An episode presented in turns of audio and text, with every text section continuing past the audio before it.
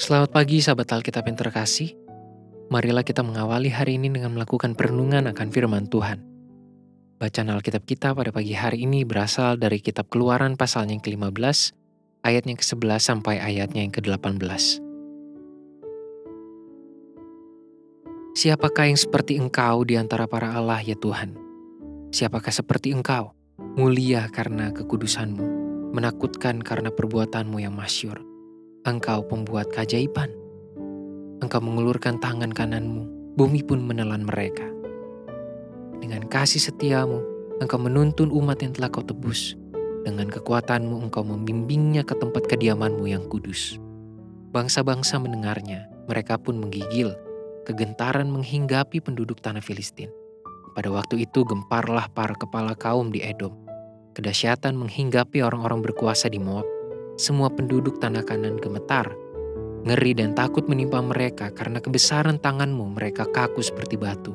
Sampai umatmu menyeberang ya Tuhan, sampai umat yang kau peroleh menyeberang. Engkau membawa mereka dan kau cangkokkan mereka di atas gunung milikmu sendiri, di tempat yang telah kau buat kediamanmu ya Tuhan, di tempat kudus yang didirikan tanganmu ya Tuhan. Tuhan memerintah kekal selama-lamanya.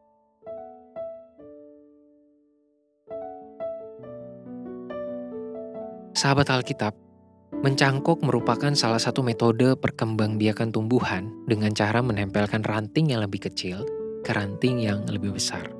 Pada dasarnya, ranting yang ditempel akan mengalami pertumbuhan dari ranting utama hingga mampu menghasilkan buah setelah terciptanya keterhubungan jaringan batang di antara keduanya. Intinya adalah ranting yang ditempel bergantung pada pohon utama ranting itu tidak akan hidup jika terjadi kesalahan pada proses pencangkokan.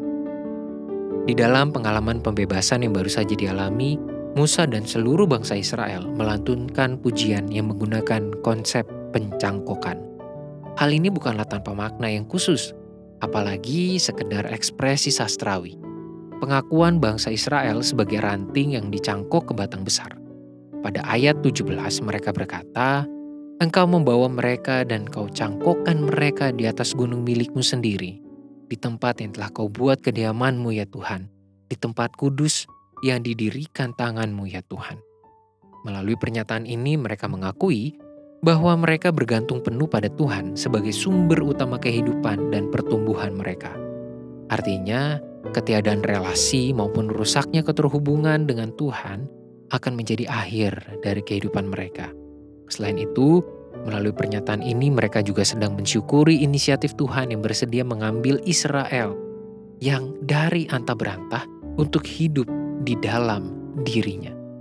Sahabat Alkitab, nyanyian pujian Musa dan bangsa Israel ini pun menjadi sebuah penegasan mengenai peran Tuhan dalam kehidupan kita. Hal ini sekaligus menjadi ajakan bagi setiap orang percaya untuk mengevaluasi pemaknaan relasi dan kebergantungannya kepada Tuhan sejauh mana kita memaknai kebergantungan kita kepada Tuhan, dan bagaimana upaya kita memaksimalkan hubungan dengan Tuhan. Ingatlah bahwa Tuhan adalah sumber kehidupan umat percaya, dan kita hanya akan berbuah jika kita ada di dalamnya.